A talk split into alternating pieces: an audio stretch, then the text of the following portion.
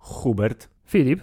Hu- Hu- Hubert? Yeah, that's how you spell it in English. Dear listeners, today we'll be speaking English, and not only because we're awesome and we want to show off our amazing linguistic skills, but because if we didn't, our guest would probably have some problems understanding us. Yeah, that's why this podcast will be entirely in English without transcription, because as usual, we believe in you, dear listeners. Philip, did you see anything interesting on the TV lately? It wasn't recently, and it wasn't on TV, unless by TV you mean the giant screen that used to be a television and now is just a screen for streaming services. yes. Have you seen anything interesting on your home Netflix projector? yes, on my home Netflix projector, recently, and by recently I mean a couple of months at least, I have seen both the entire first season of Sandman plus the extra bonus additional 11th episode and whole two seasons of the Undone show, but on Amazon Prime. Yeah. But uh, unfortunately, my Netflix projector is compatible with Amazon. Yeah, and both of these shows have uh, two things in common, uh, especially the special episodes. yeah. uh, the first thing in common is it, that they're both really good. Yep, and they're both animated. I mean, just uh, in part uh, when talking about Sandman, but still, animation is key. Yeah, but you, but you, but you broke my uh, Flow. segue. So, uh, Sorry.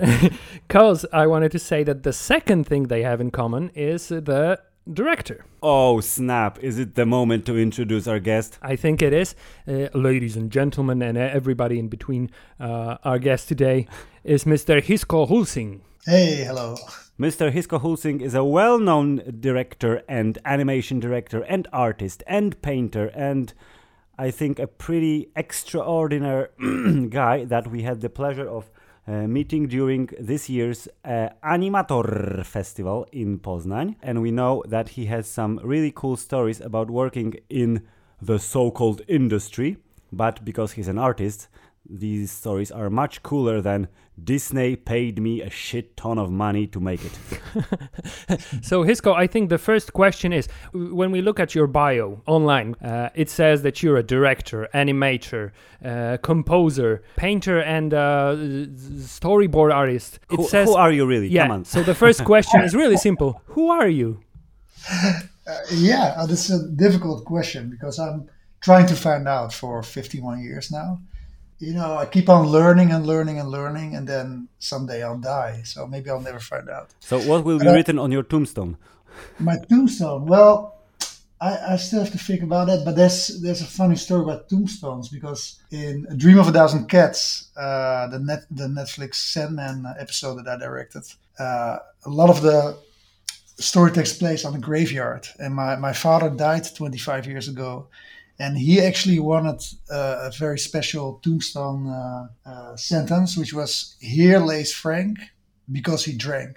And we didn't do that at that time, but I, I put it on a, a, a tombstone in uh, the Sandman, so you can try to find it. It's somewhere there, and with his name and, and his birth date and, and his. But is it written in English or? Uh, It's, no, it's in Dutch. I, I wanted to do it in Dutch because it's like an, uh, an ode to my father, you know. so it's an to- Easter had egg, but ask- uh, an, an unusual, an unusual Easter egg. Definitely, I had to ask permission to to Warner Brothers. They gave it, and to my mother and my brother, and and they gave it to me too. But my mother forgot about that. She gave me the permission, so she, now she's complaining. Oh, mothers! No mothers. I, I think we'll get back to the Easter eggs uh, sooner or later. Yeah. But but but let's back, let's get back to the question about who Yeah, you really I'll are. Because who am I? uh, yeah, uh, taking into account your most recent endeavors, one would say that you're an you're a director or an animation director. So uh, is there a difference? Well, for me, you know, for me, it's all all those things like making comics, storyboards, paintings, illustrations, and directing all have overlapping uh, principles. I would say. So when I did Art Academy, I was studying painting, and then I got into animation, and I realized that animation is a perfect platform to combine all my interests. you know. So when you can tell a story with uh, sound, visuals, paintings, animation, uh, you know, everything that interests me, I could use animation as a pl- platform for that. So I'm not that much in animation, actually, to be honest. I'm more into feature films as a consumer, but animation is just such a, a broad platform to do things in. So I, I would say if I if I would give myself a name, I would say painter and director or something. But it all connects with each other. So to explain what I'm saying is like, for instance, when you're talking about music composition, you're also talking about tension, building up tension, you know, an arc of tension, uh, working with contrasts, uh, having dark or lighter pieces. And you can you can apply the same principles to writing or to directing or to painting. It's all kind of overlapping. Yeah, but but as a director, don't you have to like sort of give up some of the things that you would do as a painter or, or an animator? Like you have to direct so you have to tell somebody go and do this piece of yeah uh, it's a different set of rules that applies. That's that's true but you know i i've always been doing all those things at the same time. So when i i graduated with a, a short film that i finished uh, two years later so I was like always directing, but it was directing myself actually because I was doing almost everything myself.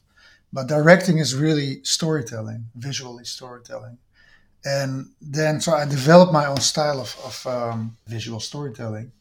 And I used to put, you know, people like Roman Polanski, the Polish uh, director, on a huge pedestal because I really love their films, or Stanley Kubrick, uh, many of them but I, I did, you know, I always felt that they were doing the same thing as I was doing, like doing all those things themselves. And now, like since five years, I'm really directing 200 people working on uh, Undone and 200 people on The Sandman. So I, at some point, I realized that being in directing is actually pretty easy in comparison to doing everything yourself because you have all these intelligent, creative people, and they will bring in their own ideas and their own you know skills. So you're just a general. There's also a quote from no, one of our favorite movies that says anybody can be a director. yeah, well, it's in ways true. I mean, I would, I think general would be one. Okay, so you ask me, who am I? Well, I'm a general. yeah, so no, but I, I, would compare it to like a conductor of an orchestra. It's like all these people; they're all great musicians, but you need somebody who's giving direction to the musicians and, and, that's actually what i'm doing as a director. To try to segue to, to uh, uh, the next part of the interview uh, if you had to transition yourself from being a, a, director that does animation to a director that makes classical live action movies that wouldn't be a, a very big difference for you would it? Well you know for uh, undone and for uh, the sandman uh, I did direct all the live action in uh, Los Angeles and for the Sandman in, in uh, London. So before we start animating it, we have filmed everything and uh, edited it. So I'm by now I'm used to to live action directing because I did six hours of it. You know, two seasons of Undone, um, which is all green screen. So it's actors just playing out their role in uh, without any sets. They're just standing in a in an empty room. We use tape on the ground to make sure that they don't cross any wall walls or anything that will be painted in later. So I did direct them, and every time when I'm doing that, I'm like, oh, this is pretty easy. Um, I could do this, you know. But I never worked with actors and a whole set, etc. That would be the main difference. You you you yeah. would see uh, the end result almost before your eyes, and now you exactly. have to animate it and paint it afterwards. So probably it's easier uh, because we have to completely design everything on forehand. Uh, yeah, so you, make you're making two movies or two TV shows. on yeah. set and then afterwards in post production, which is almost as long, if not longer than exactly. working on set. We're making a film two times. Yeah. So uh, first we shoot it, then we edit it, and then we start the whole animation pro- process and all the paintings and all the rotoscoping, you know, tracing the actors.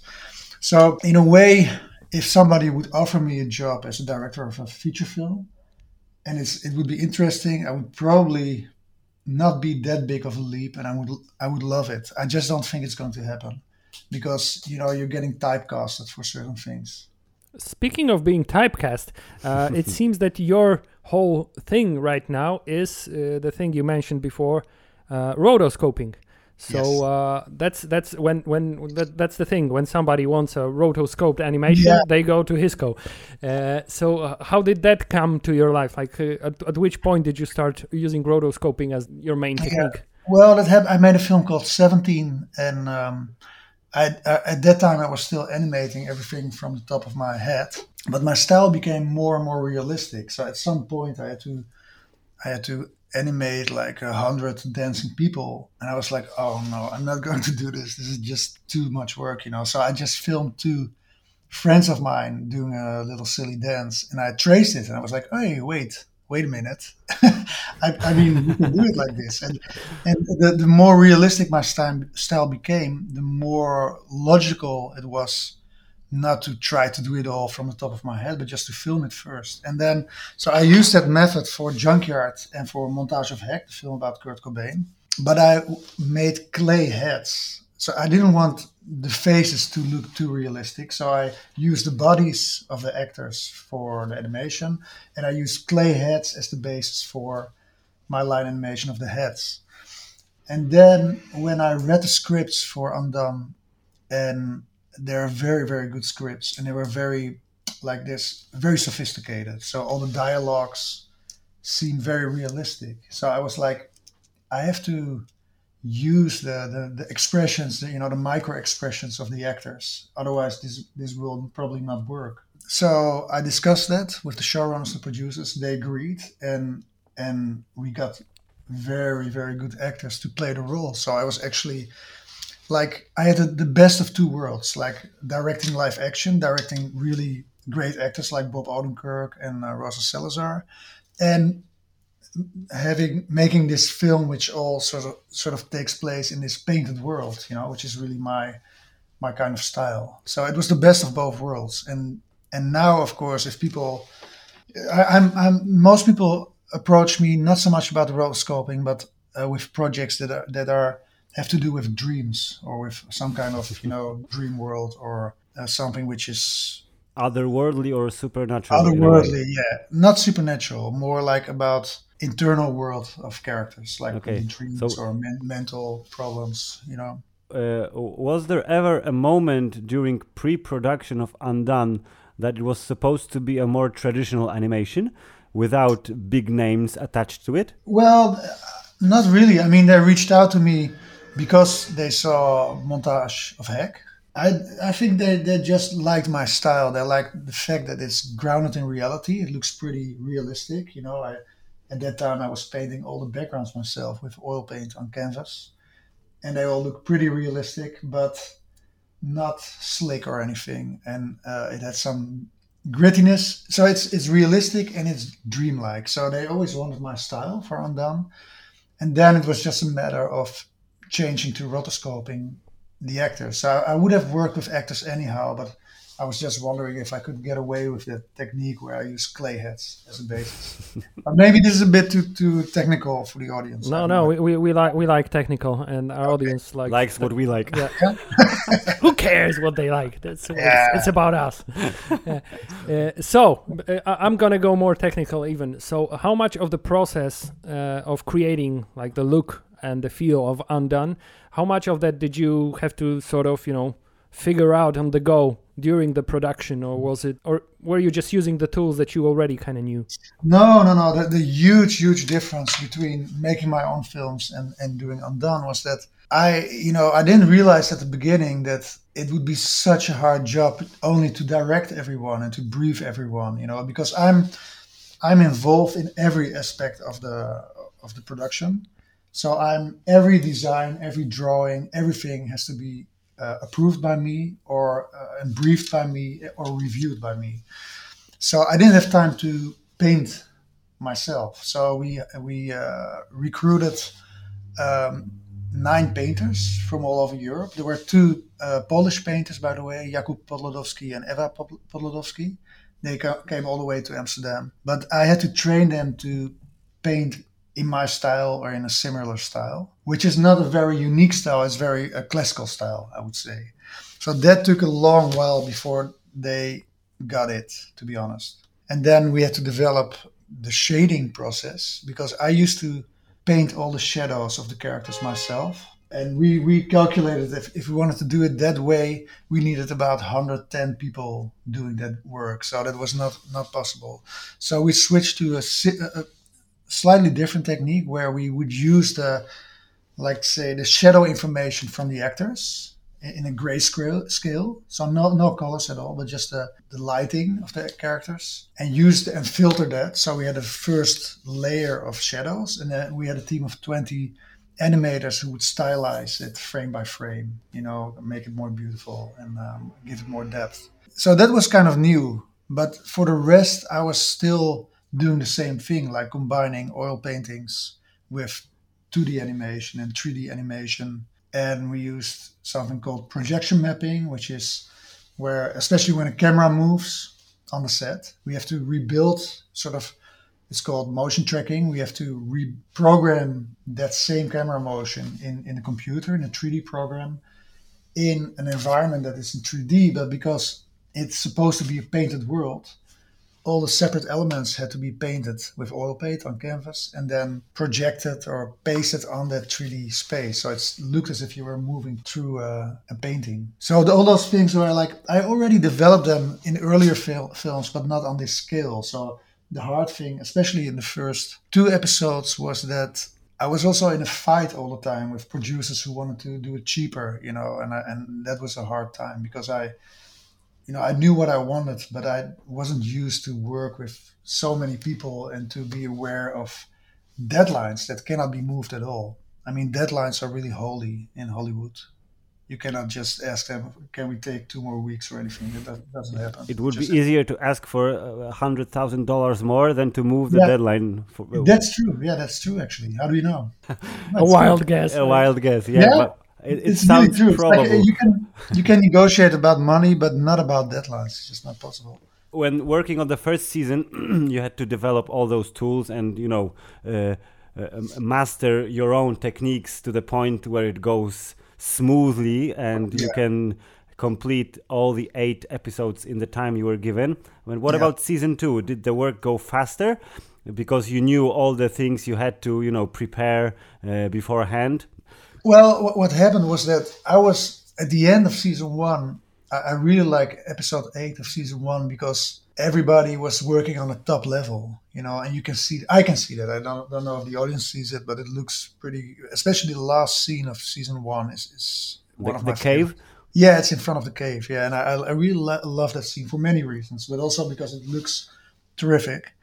So when we started season two, I felt like I always compare it to like season one was like building a car while I was driving it. You know, it's like, oh fuck, there's no steering wheel, and oh, we need a wheel here. You know, we were building a car, and then at the end of season one, we had a, a well-oiled machine. And when we started season two, I thought, well, this is going to be a really easy ride because I'm stepping into this Maserati or Lamborghini and just push the cruise control button. Uh, but what happened was the pandemic broke out in the beginning, we didn't even know if we could film the actors. It was not allowed at that time, uh, and I couldn't uh, travel to uh, Los Angeles because for season one I was going back and forth between Amsterdam and Los Angeles because we were filming the actors in in LA in, in West Hollywood, and I had to you know direct all the people here in Amsterdam and a whole crew in Austin from the Minnow Mountain Studio. But for season two, two nobody could move anywhere it was just hard to to come up with a new way to do it. So what we first did was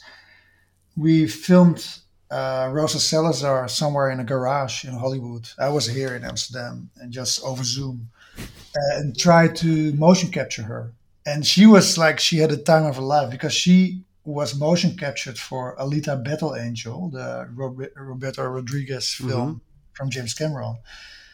Uh, under very you know high tech uh, circumstances and now she had some kind of like iphone in front of her face. It was she was like what the fuck is this? And because there was no way we could do it in that very professional way in a garage in hollywood you know during the first days of the pandemic. And then I tried to use the same method that I had for Junkyard and for Montage of Heck to rebuild her face because that's what I did for Montage of Heck. I rebuilt Kurt Cobain's face in ZBrush, which is a 3D program, and we used it as a base for his face. So we tried to rebuild Rosa Salazar's face, and we did some uh, motion capture tests, and then the result, I still have nightmares. It's just like it looks so fucking horrible. Like, oh, I'm never going to show that to anyone. You should have called Robert Rodriguez and said, "Come on, man, give me that scan. Get, I need it." Well, we could have done that, but you know, everybody was sort of didn't know how to do their production. So I think whole Hollywood stopped working at that moment. And then at some point we got green light to film with a skeleton crew. So that was uh, a crew of only five people, which is nothing, you know, for a Hollywood production. Usually have 30 to, to 60 people on the set. So they had to do like everybody on the set had like five different functions. The assistant director was also the script supervisor, etc. And uh, it was very hard. And I was directing uh, the live action of the second season of Undone all over Zoom. So I was sitting here in my studio in Amsterdam with five screens in front of me, like camera A, camera B. And at night Preview. because of the time difference. Yeah, it was it was nine hour difference, so I had to Wow. work till four in the morning every day, and uh, it was very boring because the thing was we already prepared everything very very well for season one because we had huge shooting guides that my my assistant Nora Huppener made together with a team, which consisted of storyboards, all the dialogues, but also all the measurements of all the designs that had to be taped on the ground, etc. But for season two, because we had such a small crew and only two actors at the same time on the set, we had to prepare it even better. So we did all 3,000 shots. Uh, not only, so what I always do, I make little rough sketches of every shot of a season. That's about 3,000 uh, shots. Then it's being storyboarded. And now we added one more step where we did everything uh, in 3D first. So it's previs. So it's kind of a rough 3D where I could control the like the camera angles, you know. So on the set, the cameraman they they also had to match every shot uh, they filmed with the previs that I already provided them with. To to to that extent that at some point they they accidentally started to call me previs instead of Hisko. It was uh, because I was constantly pushing them to watch the previs, even though they had there was some room to change it a bit, but I, I already sort of directed that whole camera work ahead of the shooting. So in that in that regard, everybody had to work remotely, also the painters, and because that could only work because they already did season one. So they were all working on a super high level, and everybody wanted to come back. Uh, all 200 people, I would say, because they all like Undone so much. So we were lucky in that regard. When you watch season one and season two back to back, which we kind of did, Kind of, yeah. there's not much difference in the quality or style between the seasons. I- It's uh, seamless almost, and because Yeah. of the style of the animation, you you can you can't show the age of the actors. uh, If it was the case that uh, there were I don't know three, four, five years between seasons, Or, or rather, Uh, you could you could easily hide you the could difference. hide hide the age difference because of the techniques. So. Uh, it was a blessing in disguise. Uh, that the- even- the style of the show, you know, uh, uh, allowed you to hide any mistakes that you might have made during the remote uh, production. The age thing was was uh, an issue before we started, but not in the way you mention it. Because in season two, I'm giving a spoiler here, but Do it. Okay, well, well, Elma actually succeeds in in creating a new timeline in which her father is alive. You know, it's kind of a horrible spoiler this, but in this timeline, her father is much older. So we had to make Jake uh, do all kinds of tests to make Jacob Bob Odenkirk uh, older, and that didn't really work. But then we, when we started filming, he suddenly had turned gray. So we didn't have to do anything. We just filmed him. Into, sorry, this sounds horrible. He's not a here. method actor. Yeah, Yeah. to the core. Some people get fat or thin, and he just got older, which is pretty much easier. But and and at some point after the recordings, he got during the recordings of Better Call Saul, he actually got a heart attack. I don't know if you read about that. So he was, he was yeah, he of- was recording a scene and he had a heart attack during the scene. They had to pause the shooting for like five weeks and then return Yeah. to the scene.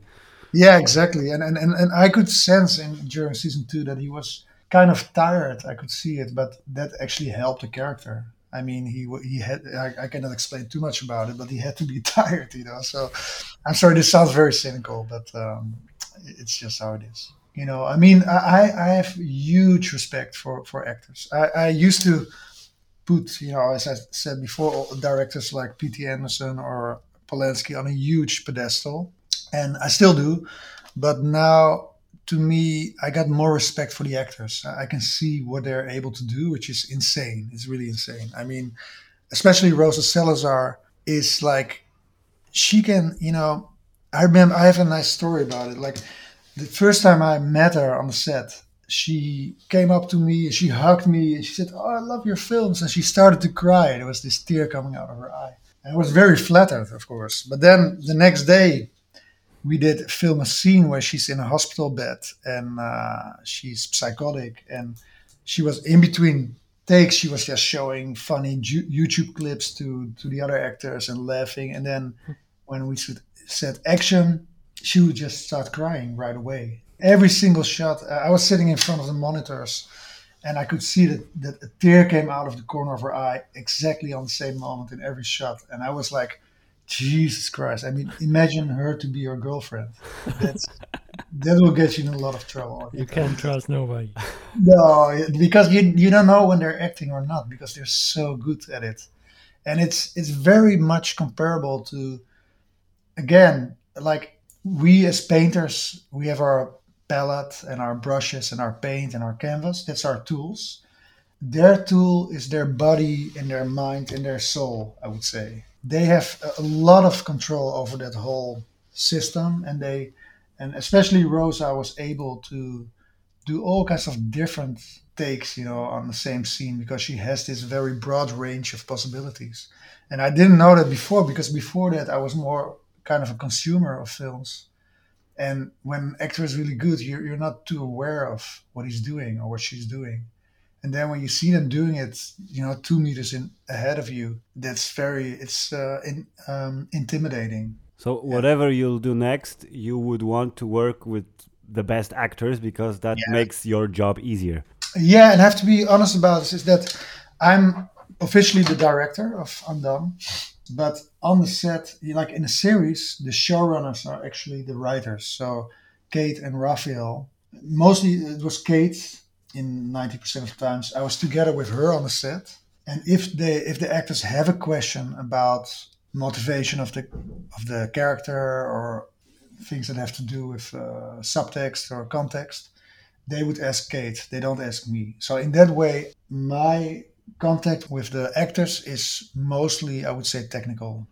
I got a lot of compliments actually from the the actors, uh, from Rosa Salazar and from Bob Odenkirk, who both called me a very good director. And I asked Or them, maybe they were acting. well, that that's what it was. So you never know. That's true. But but I was willing to believe them, and I I, I was a bit surprised. I asked them, "How come? You know, I'm pretty green here. I, I've never done any big film before this." But what Rosa told me is that she said, "Well, there's a lot of people here here in uh, L.A." that are just bluffing their way through. They have no idea what they're doing, and you're so well prepared that we can completely uh, trust you and we can do our job. And I, I took it as a compliment. I, I, think she was not bullshitting; she was honest about it, because it's true. We we know exactly what we're doing, so they can just completely focus on acting, and also because there's no sets, we could do a lot of takes on a day. There was one day when when we did 144 camera angles on one Ooh. day, which is insane, you know. And, and then I had to go after that. I had to go back to the apartment to to review all the stuff that was done in Amsterdam and in Texas. So I was just working 15 hours a day or something. But for the actors, it's like doing 144 camera angles, which is the same as doing 77 shots with several takes, is demanding. But it's in a way, it's more fun for them because they can act all day. It's as if they're in a play instead of with a feature film. You do a scene and then they go back to the trailer or watch their telephone or whatever, you know. So they they kind of enjoyed just purely acting all day. But it worked. It worked. Yeah, we Yeah. li- we liked the show very much. Yeah, it- Yeah, So it, it must have worked, and I It- it think must it, it has you know all the nice little icons like fresh, certified, you know, ninety percent and whatever.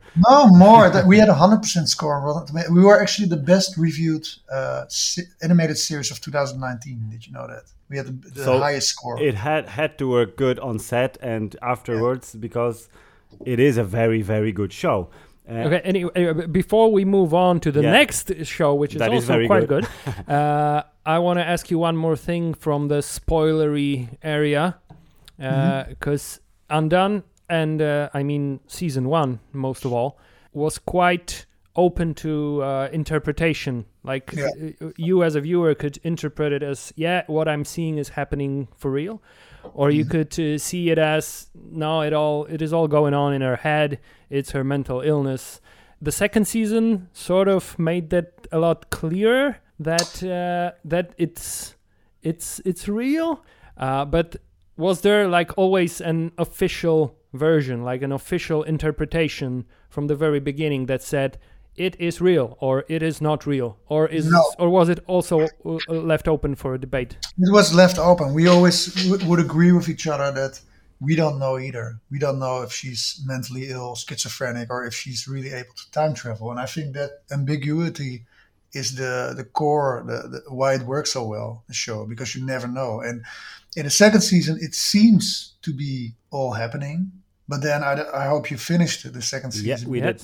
yeah so then you know that it's well still ambiguous you know so it's just uh, i think uh, kate and raphael the showrunners didn't want to as you just said didn't want to work with that idea for too long that it was ambiguous if she was mentally ill or not because they thought it would be tiring for the audience you know being constantly from between those two uh, point of views but for me personally as a director the emotional core for, of the show for me was uh, the moments where it was very clear that she was uh, schizophrenic. That was the thing that touched me the most, and I was working really hard to make that work. To because the way it works for me is that I'm a very emotional person, so I, I cry easily. But if there's a scene that is supposed to be sad or about something that I think I should feel something and I don't feel something, then I know that there's a problem. So I just don't keep on working on it until it does actually give me tear, teary eyes, you know. So for there's a lot of themes in both seasons, which are about family, about um, it's about many different things. And season one worked emotionally. It, it worked a little bit better for me because it was so clear that it was actually about a mentally ill woman, which is something that, that touches me because of also because of personal reasons. And in season two, is working for other reasons. I think it looks much better. Uh, I mean, you didn't see a difference between season one and season two. I think season two is is uh, aesthetically and technically it's much better than It's it's more complex, especially in, in the seventh episode, if I remember yeah, the correctly. seventh episode is it's super complex. crazy. Yeah, we were just uh, you know we had a well-oiled oiled machine.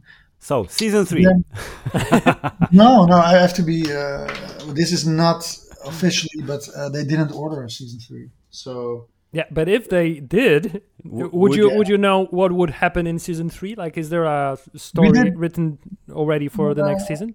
No, we, we no, it's not being written. We we have discussed some things, but uh, you know, I'm not involved in the writing, so I do talk with them about it with Kate and, and Raphael, mostly with Kate, and she had some some ideas, but they were not completely crystallized because she wanted to be sure that that didn't want to start because before she knew that it would be ordered by Amazon, and they didn't order it, so they didn't write it. But I would have loved to do a third season, but I, I'm afraid it's not going to come. I know that Tornante, the, the the production company, is trying to sell it to other uh, platforms. So it could be, you know, sometimes that happens that a show starts at Amazon then ends up in, on Netflix, but uh, I'm not sure about that. Yeah, you, you seem to be on good terms with Netflix now. So now I'm on good, yeah, definitely, yeah. No, but um, what I'm surprised about is that um, I thought when we were making episode seven of season two, to me it was like a masterpiece. I was like, this is I've never seen anything like this. It's so weird and complex and, and strange and and daring. You know, it's risky and it's not really being picked up. You know, I thought it would would at least get some awards or something, and it doesn't, and I don't understand it. And I think maybe I'm overrating it or something, or what what was really a problem is that they didn't promote season two uh, very much. They did promote season one a lot. Yeah, that's the problem with the market nowadays. It's oversaturated with content. Yeah. There's so much stuff that it's difficult to promote everything especially when Amazon is focusing on Lord of the Rings mostly. Exactly, they put like there was like a, a uh, I think I don't know if it was a billion dollar, but it was insane, you know. And then, of course, one fourth or something goes to marketing, two hundred million or something. Well, we didn't have anything. Yeah, I mean, we had some billboards and, and a trailer. That I, yeah, that's it. So that's kind of sad, you know, because for the Sandman, that was a show that costed probably around 200 million, and you could see the marketing for that for the Sandman was insane, and I was a bit like I was happy about it because I I made this bonus episode, but I was also a bit sad because I thought that Undone deserved uh, more attention. We can we can now completely go into the Sandman territory. was the, success of Undone? the main reason you got the gig at Netflix? Yeah, I think so. Yeah, I don't know exactly that because they, I was the first director they reached out to for Sandman, and I was the last director to start because I was working on Undone. I think they, Undone gave me more visibility than anything I did before, but they were more, they were referring more to Junkyard actually. I don't know why. I think because in a Dream of a Thousand Cats, uh, the cats are not rotoscope; they're animated. So it's more an animated show than Undone, actually. And the other thing that I did for Dream of a Thousand Cats, which was a very good move, and I always, when I give masterclass, I always tell people to try to do it in the same way: is make sure that before you make an animated film, you always make storyboards because you don't want to spend time on animating something that doesn't end up in the film. So we made a storyboard, uh, which was very beautiful. But I also made sure I, it's very normal to make an animatic, which is a moving storyboard. So you edit temporary voices under it and, and temporary music. So we did all that. I, I you know, I'm, I'm a musician myself, so it was easy for me to get with come up with the right music. But I went one step further. I went to a sound studio to actually add all the sounds and um, that animatic was so convincing that you, you, know usually when I sending an animatic for Undone, I get back one or two pages with notes. And with this animatic, I got only six notes from Neil Gaiman and Netflix and Warner Brothers and, and the showrunners. And one of the six notes was, "My kids think think this is the coolest thing I ever worked on." so I was like, I, I, they already they trusted me so much that after that they hardly ever interfered in anything I did. So it was in that way, it was like a magical project. And also, we had a much higher budget than with Undone, so we could go for almost well, I would say perfection. And when you when you say you have you had b- bigger budget than on Undone, yeah. you mean a budget per minute of a complete yeah. show, or did, did you actually had more money for the, the 15 minutes than for the two seasons yeah. of Undone. I, no, I, th- I think uh, for these 50 minutes, I had as much money as uh, three whole episodes of Undone. You know, so it was like a, a huge difference, and the difference is I think it's noticeable, to be honest. I think it, uh, Dream of Thousand Cats looks better than Undone. I mean, I still love Undone very much, but it's just like we just went further. You know. So, uh, did the process of working on set and uh, afterwards uh, in post production was it really different because of the uh, budget and the crew and everything, or was it you know uh, applying all the rules of a well-oiled machine you had to No. develop beforehand? I'm not very good in diplomatic answers, so I'm giving you the truth, the ugly truth. Now, the truth is that, okay, two things. One of them is that there was not a lot of rotoscoping, not a lot of live action. There's because the main characters are cats. They're animated in 3D actually in uh, by a studio in London called Untold. They animated the cats in 3D, and then we treated it as if it was live action. So we went. Then we did the same thing here in Amsterdam at Submarine by tracing it and coloring it and shading it, you know, and combining it with the Oh, so you had a 3D model of a cat, and then you rotoscoped around it. yes, Oh, a, a moving 3D model, and the, the the 3D cats were Yeah. animated by a team that also worked. Some of them worked on the remake of Lion King, so they were used to making So they were used to cats. to cats, yeah, to big cats, and to make them move very in a natural way. Because oh, whole- luckily you didn't decide to keep the mouths moving like Yeah, I hope- Yeah, I, I I was very nervous about my decision not to have the mouth move on the day it was released. Suddenly, I got very nervous. Like, oh, maybe I made a mistake. Maybe people will not buy this, you know. But for me, it was very essential for the story that the cats were not behaving in a human-like way. So we didn't anthropomorphize them. They're moving like real cats, and real cats they do communicate, but not with their meowing or with their voices. They communicate with you know smell and with their body language and with their tail and things like that. So that's all in there. And then I, I- I saw some blogs and I read some comments of people who thought that we didn't use lip sync, mouth mouths moving because of the costs, which is complete nonsense. I mean, it, it, this was way harder. It would have been much easier to have the mouse move because now the hard thing about animation for the animators was to make them move in a cat-like way, in an animal way, but still create the sense that these voices that we hear are actually coming from them in a telepathic way or something. So it was actually much harder than people think. And I had hoped that we could use all the knowledge on Undone uh, for Dream of a Thousand Cats, but that was not possible. Possible because we were working on Undone and Dream of a Thousand Cats at the same time. So a whole new team came in. Apart from the painters, they were all they could switch from Undone to because they were done with Undone they could switch to a Dream Thousand Cats. So I, didn't have to educate them. They knew exactly what they were doing. They were working on top level already. But all the new people that came in, like the coordinators, producers, animators, you know, it was almost like reinventing the wheel to stay in the car analogy. Um, and that was very hard for me. I couldn't believe it. Like, Jesus Christ, do we have to I have to teach them the over. same things again. Yeah. again come on i thought we were done with this so it was very hard for me during Undone i think i'm always very friendly with everybody you know i think most people seem to like me i never raise my voice or anything and with with dream of thousand cats i got so frustrated that sometimes in a zoom call i would just be, become really angry about things not happening or you know and so i think people on dream of thousand cats have a whole different uh, view on me Big budget, big emotions. yeah, maybe that's it. No, big frustration. So if you're asking me, your first question was, "Who are you? Uh, am I an asshole or like am I a lovely guy? I don't know. Finding out. Yeah, you're some somewhere in between. Depends on the project. I'm a lovely asshole. Yeah, yeah.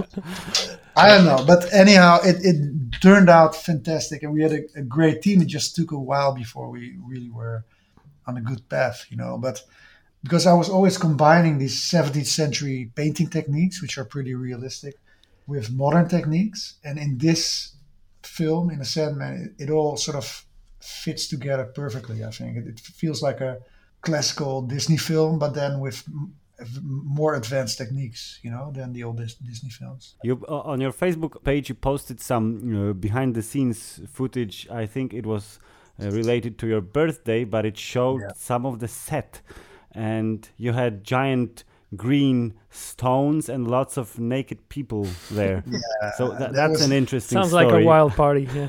That was the weirdest birthday I ever. It was my 50th birthday, and I was in uh, the Shepperton Studios in London. I didn't know anyone. There was a huge crew because on the Sandman there were in the Shepperton studios, there were two crews working simultaneously on the whole show. So there were like a hundred people there.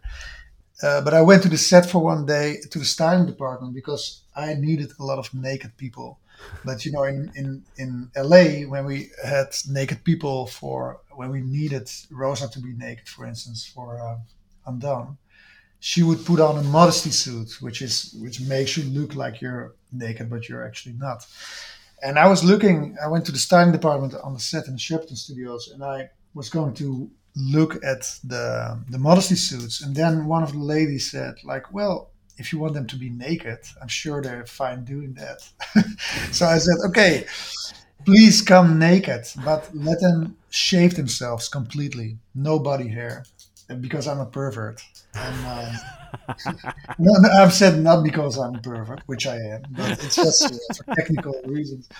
Yeah, because, the computer doesn't understand hair. Lose the hair. exactly, lose the hair is too complicated for our software. Now it's actually like we use this shading information for we filter it for first pass before the animators start working on it and we had a lot of troubles with uh, Sam's beard in season one, and I just wanted to make sure that they were shaven. So on my birthday, I ended up directing 30 naked people, and I didn't know anyone on the set, but apparently my um, my assistant she told somebody. So I was directing them, and suddenly like 70 people started singing "Happy Birthday" to me, which was really cool. But for me, like the, the, the great thing about that live action recording was that I was working with such a, a, huge crew that my job became super super easy because I, I the preparations were as thorough as with uh, Undone, but now it was even like there was this girl next to me. She had a, radio connection with the assistant director on the set. I didn't even even have to get out of my chair. You know, I was just sitting in front of two monitors and there was no showrunner or anyone or producer on the set so i had complete control and it felt like oh this is really fun to do and easy actually so that was the moment that i realized that the bigger the budget you have the, the easier it gets you know i learned it really the hard way when i did when i recorded the actors for junkyard my, my short film and for montage of heck i was working with non-actors they were children and uh, couldn't act very well. So if they had to be scared, I had to scare them. Doing the camera myself, the lighting, I was buying the clothes for those actors. And every time, you know, my career goes up a little bit, it becomes easier because you don't have to tell Bob Odenkirk what to do. He knows what he what he's doing. So you have this whole crew of people who are doing lighting and who are like working like a, almost like an army. You know, it's like a well-oiled machine. And my job gets easier and easier. So soon you, you, you won't even have to be there. I, will just completely disappear from, from the planet and just, you know, have other people do my work. Like the the most important part, in my opinion, of what I'm doing is really in the first phase when I get the scripts in. I start making these thumbnails. That's little rough sketches for all 3,000 shots for Undone. In total, there were 6,000. That's where the real my I feel that my really the directing is taking place that's the most important part. Then from there on, we build it up. You just and give it to your people and say, "I want this. Give it to me now." Yeah, exactly. make it happen. So, exactly. And okay, uh, so. I, it's, it's the easiest way to brief them. I mean, and also that's one of the things that make it quite easy for me is because I can easily talk to a 2D animator or to a painter or to a designer because I've done all that work myself and they know that I know what I'm doing. So it's there's a mutual respect. I'm not the kind of director who says like, "Oh, do it. I don't care how you do it," because I I know how hard it is. So I have a huge respect if they do a good job, and if they don't do a good job, they know I'll see it. You really do sound like a pretty good director. I don't know. I don't know how I am with how I would be as a real like, like if there would be no showrunners on the set and I would be directing Rosa Salazar directly. I don't know if I have a knack for that. I think I have because I, I can communicate pretty easily with people. But the problem was like I found my old school reports from primary school lately, and every year at the end of the year it said Hisko can do anything he wants except for acting. Every year they said the same thing because we had to act on school, and I just I always had you know pain in my belly, etc. And, and, now I'm a director, so it's still kind of uh, insecure about it. Okay, so going back to Sandman, uh, yeah. were you a fan of the comic book before? I, I I'm sure you have heard of it, but have you read it? Were I, you like, had, oh yes, cool, finally something good? no, no, I'm sorry. I, I, I bought one uh, Sandman issue a long time ago. I just knew that it was special, but I didn't really read it. So I didn't. I, I, I heard about it a lot, and I and I knew it was going to be a big thing, you know. And I read A Dream of a Thousand Cats, the comic, and I really really liked it. I, I, it was so similar to a lot of things that I already had done. You know, there was a, a cave involved. It's about a dream world, and that's uh, somehow that's the, the, nice thing that those projects come to me and they feel like, well, I can I can easily do this. It's just all the technical stuff that that that, that makes it hard, but. I really loved it. I thought it was a very good story. I mean, it's not so much about well developed characters or anything because it's a very short story, but it's uh, it's a great uh, allegory and it's very well crafted. You know, I love the the comic. I thought it was when I read it, I thought well, this is really good because it doesn't give you any superfluous information. Everything that's in that story serves a purpose. It's very well told. Did you like feel like you need to change anything in the story or the way it was shown in the comic? No, what I they a writer uh, rewrote it for made a script out of it, so she had to cut some things out, and then I just went completely from the script because when I started reading it, I, I sort of know what what kind of camera angles, what kind of shots will work the best, and I, I didn't want to be too bothered by the by the by the comic, even though I really liked it. It's very good, but it's a different medium. So I was just building it from not from scratch, but I went from the script. And what about directing someone else than you know uh, animators or uh, the naked people on set? Because this uh, short film has some very very well known actors doing voiceovers. Yeah. Yeah. And did you get to interact with James McAvoy or David Tennant? Yeah, yeah, definitely. I was the, the, the reason why we got all those big names like Sandra Oh and Tennant is that it's very easy for them wherever they are, if they're in London or in the United States, just to go to a sound studio and record their part in a sound booth, and within two hours they're they're done, you know. And we could just get them to do the voices, which was pretty. Uh, easy. I didn't do the casting, but I, I was present during all the recordings. Uh, there was a, a man from uh, Warner Brothers, Andrew Collerton, who was sort of leading the, the sessions. And then sometimes Neil Gaiman was there too. And Neil Gaiman actually does a voice. He does the voice of the vulture. The skull, skull, skull, yeah, the vulture, yeah. And so I was directing Neil Gaiman at some point. It was fun.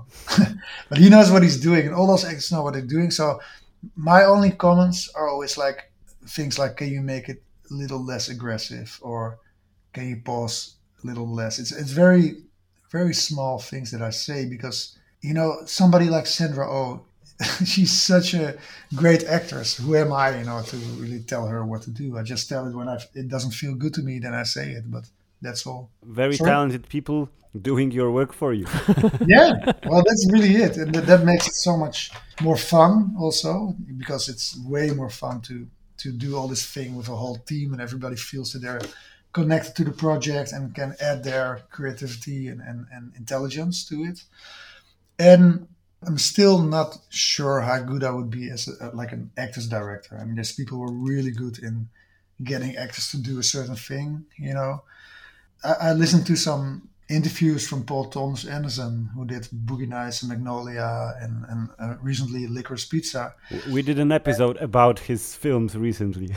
yeah, I would love to hear, but I'm sure it's in Polish. Unfortunately. Yeah, I'm a big fan of his films, and but what helped me a lot getting more secure, that is uh, less insecure about what I'm doing, is that he's only a couple of years older than I am. And I remember when he made Boogie Nights, he was probably 27 or something. He was very young, or 28. And he never attended film school. And he just said, like, well, I'm learning it from watching films, you know. And that's what I started doing. Started watching loads and loads of feature films. And there's films like uh, The Tenant, Le Locataire from Polanski, uh, that I saw 26 times now you know, every time I see a film that re- that I really like, I rewatch it and I try to see why I felt at a certain point in the film, and then I try to analyze it. So that's actually my whole film education. It's just watching films, listening to audio com- commentary, reading autobiographies, things like that. You know, and some books about storytelling, like Story from Robert McKee. But Paul Thomas Anderson also another thing that he always says in the interview. He always says like when I work with actors, my job is to make them feel comfortable so they can do their thing. And that helped me a lot because if I would have the feeling that I have to sort of give a whole background story about a, character uh, to an actor, I would feel lost, you know. But I have the feeling that it's usually not very necessary. And especially with this latest film of P.T. Anderson, Licorice Pizza, the two main uh, characters, they're not, they never did a film before. So he he knows them very well, and he just creates the right conditions for them to thrive. You know, and it's so inspiring to see that. I was watching Licorice Pizza last night, actually. I, I, th- I, think there's nothing wrong with taking cues from Paul Thomas Anderson. I mean, no, exactly. well, he's one of the, the, greatest living directors, in my opinion. So, did you get any uh, feedback from Neil Gaiman on your work? Like, no, I know he loves it, uh, but I didn't talk to him directly. I just it was very clear that he really loves loves it. And I remember one interview where somebody asked him, like, uh, "Why don't you do the second season all animated, like a Dream of a Thousand Cats?" And he said, "Well, I would, I would love that if they give me a billion dollars." we have to wait and see what happens next with season two, but we are pretty excited because we uh, liked the first season very much. And I yeah. guess you watched all of it mm-hmm. when it yeah. premiered. Yeah, I did. And yeah, what what did you think about the show? Well, at first I had to get used to it because it, it was a bit too much in I'm not so much into fantasy and it was a little bit too Harry Potter like for my taste. And then in the fifth episode, I really got into it. There was the one in the diner, you know, the guy where he's where people start start being honest to each other and ended up killing each other. I thought that was great, very very good episode. So then I really got into it. So it took a while, also what I like about the Sandman is that in the beginning, beginning I felt like oh, there's so many different kind of stories. It's such it's so messy, and then around episode five, I started to understand that that's the whole power of the Sandman. It can be anything.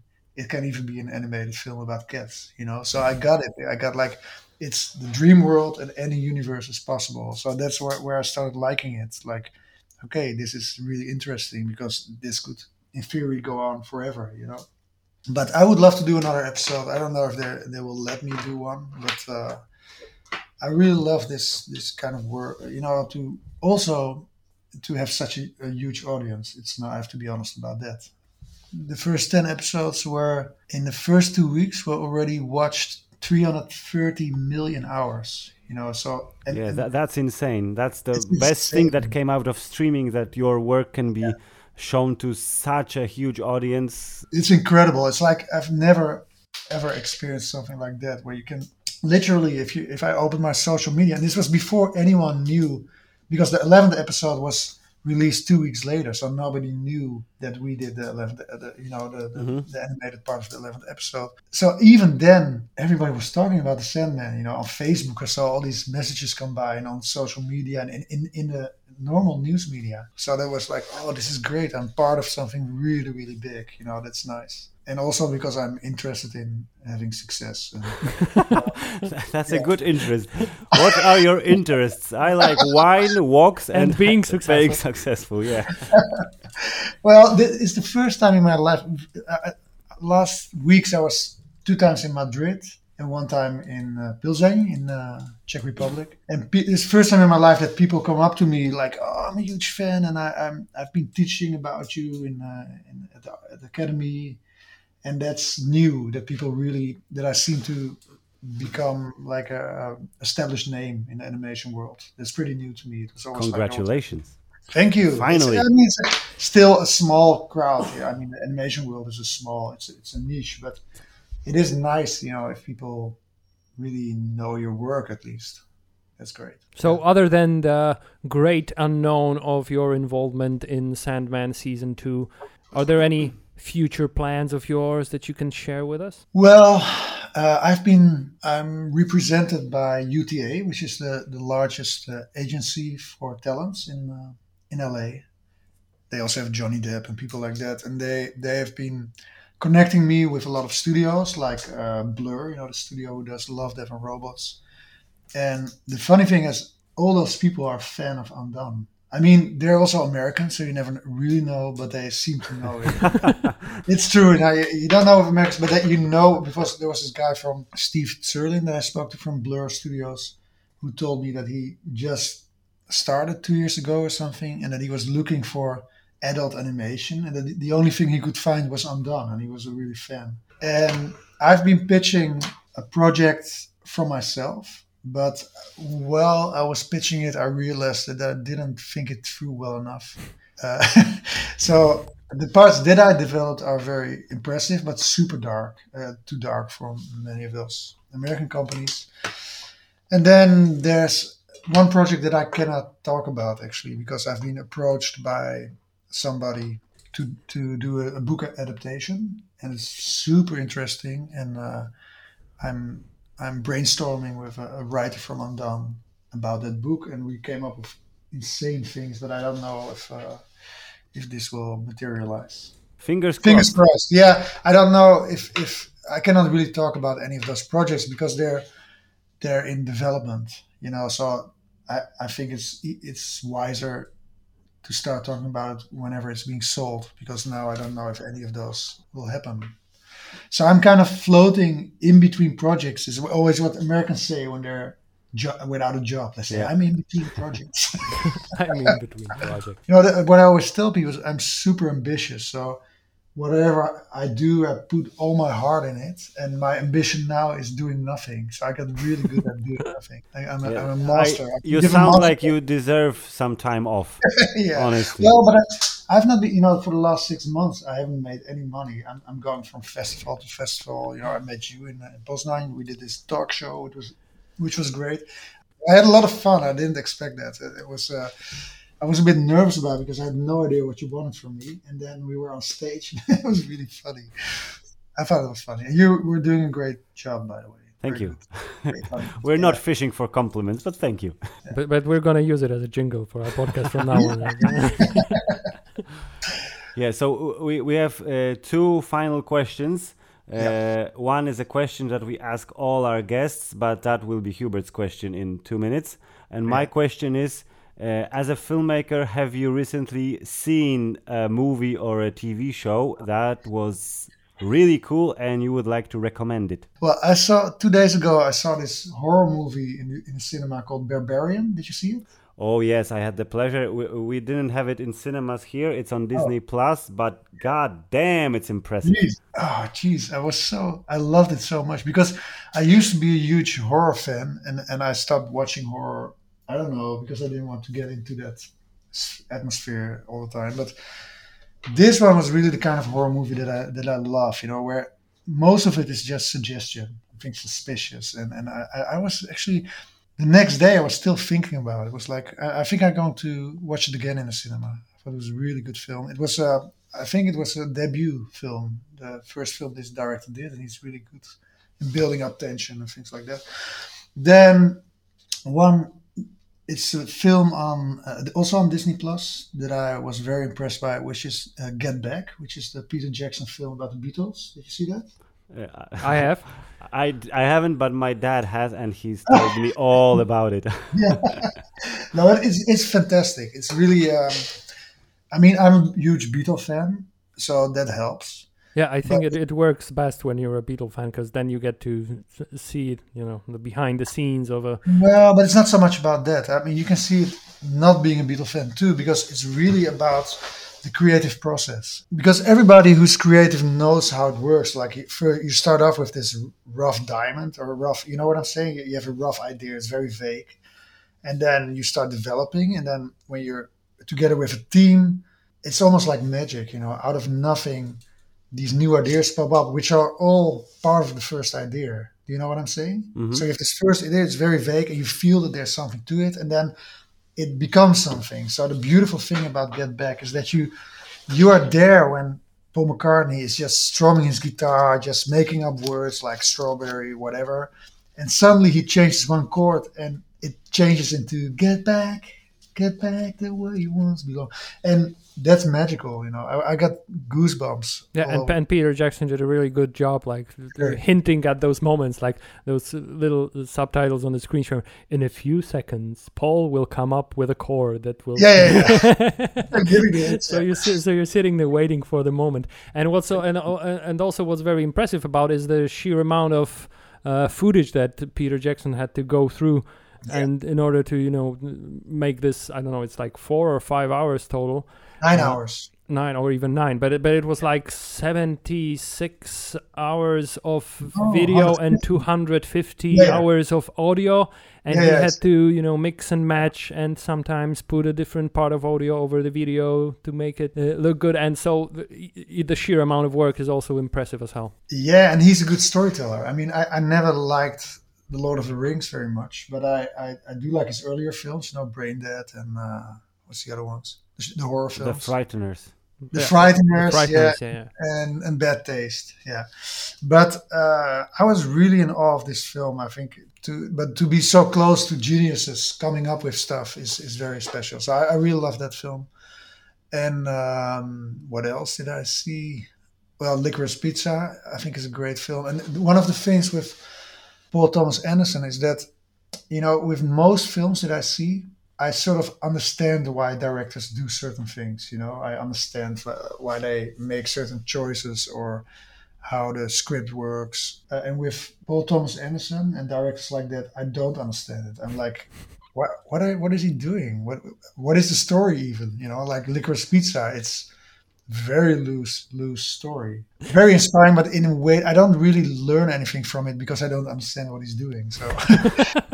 Yeah, it's a, try to learn something, but Yeah, then but, it's but more it's like, a vibe. He makes you want to create your own art. That's true. That's definitely true. Oh, so another film in that realm was like uh, Once Upon a Time in, in Hollywood from uh, Tarantino, which had it was in the same you know end of sixties. You know, I kind of feel like we're re-recording the episode we did on Licorice Really? Pizza, but with his co-hosting right now, because we, we, we have similar observations, I think. Oh, that's nice. Yeah, it's fun because you know I, I I sort of hated LA. I've been there now thirteen times or something. I didn't really like it, or it turned into a love hate relationship. And actually, the last time I was there, I started loving it for the first time because it's such a it's not a very pretty town. But in those films, you know, from Paul Thomas Anderson, like Boogie Nights, Magnolia, and Licorice Pizza, you see the the nostalgic quality of that town. That's very hard to see if you're not from there. Uh, also, another film that really blew my mind was Everything Everywhere All at Once. Did you Ooh, we, we we didn't get it in cinemas. I mean, Oh. it was here, but we didn't get to see it in cinemas, and we're still waiting for it to debut on VOD or whatever. Yeah, but, But it's gonna we- happen. We Yeah. know it's great because everyone has told us it's great. It's really, uh, it was like, I was a bit jealous almost. I was like, oh shit, I, I would have loved to have done this with Undone because it's very similar. It's about timelines. And they, I don't know, they're so creative. It's so funny. There's, uh, there's like a, a martial arts scene, kung fu scene uh, involving a, um, a butt plug, things like that. It's all Okay, okay, okay, I'm gonna stop you right there. No, No spoilers. spoilers. We, we, we want to watch that one. yeah, no, it's really that's yeah, that was one. Of, and I watched it one day. The next day, I went to to go swimming, and I always when it's sunny, you know, I come out of the swimming pool and I just leave all my wet shorts and everything and just go home. And I found that oh wait, if, if I'm if I hurry up, I can still catch the the afternoon screening of. Um, everything everywhere at once for the second time. So i was sitting there all alone in that whole room. And in that room it was not so warm. There was air conditioning. So i, I was shivering you know and i put my shirt all over my legs to keep warm. But i still enjoyed it the whole ride you know because it's such a weird film so nice Okay, so so now after talking about all this creative and creativity inducing movies and great directors, I'm gonna feel really silly asking this question, but it is what it is. It's I a always- tradition. Yeah, we it's a have to. tradition. I always have to ask this at the end. I feel like I might not like the answer, but here it goes. Do you have a favorite superhero and who that superhero is? Jesus. Jesus. No, no, no, Oh, Jesus. it's Jesus. Yeah, no one has said that. That, that actually. No, works out. well, this is this this funk. Uh, I don't know if you know this uh, this funk number. It's uh, he's superstar, yeah. Do you believe in Jesus Christ? But that's not. No, I'm I'm a fourth uh, generation atheist. I was not bo- brought up in Poland, luckily. No, I love Poland. I just I'm not very much into religion. So no, it's not a religious fi- figure, and I'm not into superheroes actually. So Okay, so so listen. So we're gonna modify the question Wh- wh- for you. Which one do you know? Yeah, of, uh, which superhero have you heard of? uh, Michael Jackson. No, uh, I don't know. is a I, I superhero. know Batman, and I know Superman, and that's about it. You know, I mean, I'm, I'm really not into it. I'm not into super superheroes. I don't know why. I find it so boring. I- Every time I fly to LA, most people are watching films, and most people are watching the same film. So I remember I was sitting in the plane, and I saw that ten people were watching Iron Man. But they were all in a different place in the film. but whatever place they were, there was an explosion. So I was like, "What is this? Like a series of explosion, and then explosion, and one guy sort of trying to avoid the explosions, or what? I, I, it's really, I don't care about that. I don't know. It's just boring for me. Okay, so so maybe after all you should stick with Jesus because you know. no, no, no. Well, I don't know. I read this book from, um, you know, Paul Verhoeven. Paul Verhoeven is what you Yep. say. Oh, probably. yep. Uh, he made RoboCop and Basic Instinct, and uh, Starship Troopers. Starship Troopers is f- a very underrated film. It's a fantastic film. I We really love it. Yeah, and his la- latest film was called uh, Benedetta. I don't know if you saw that. It's about lesbian nuns in the mid. Yeah, it worked great here in Poland. Oh, I can imagine that. Yeah, it's probably very popular. Or not. Uh, I think it was like, like a kind of tiny little brief scandal that ooh, there's a nun with a naked boob on the poster or something like that. Well, not only that, she makes a dildo from a Maria statue and uses it. I, we haven't seen the movie, but still, Oh. I, I- I think most of the people that would protest the movie, they would protest it only on the basis of the poster. They have not seen it. It's a super intelligent film. It's about because you know I'm fourth generation atheist, as I said. So for me, it's always been a bit exotic. People who believe in God and Jesus, and sometimes I, I sort of I'm a bit suspicious about it. Like, are they actually believing it, or is it something that that their community wants them to? And this film is really about sort of like how close because, because nuns are officially married to Jesus, you know. So he makes this belief and this love for Jesus very real and very sexual, actually. Mhm. And then suddenly I started understanding religion, like it's being so passionate about something which is so so all compassing, you know. And I, I could so so it's actually it's not an anti-religious film at all. I would say it, it, it, it's actually explaining religion in a way to people like me. Paul Verhoeven he wrote a book about Jesus called Jesus van Nazareth. And it's very interesting because he looks at the Bible from a dramaturgical standpoint.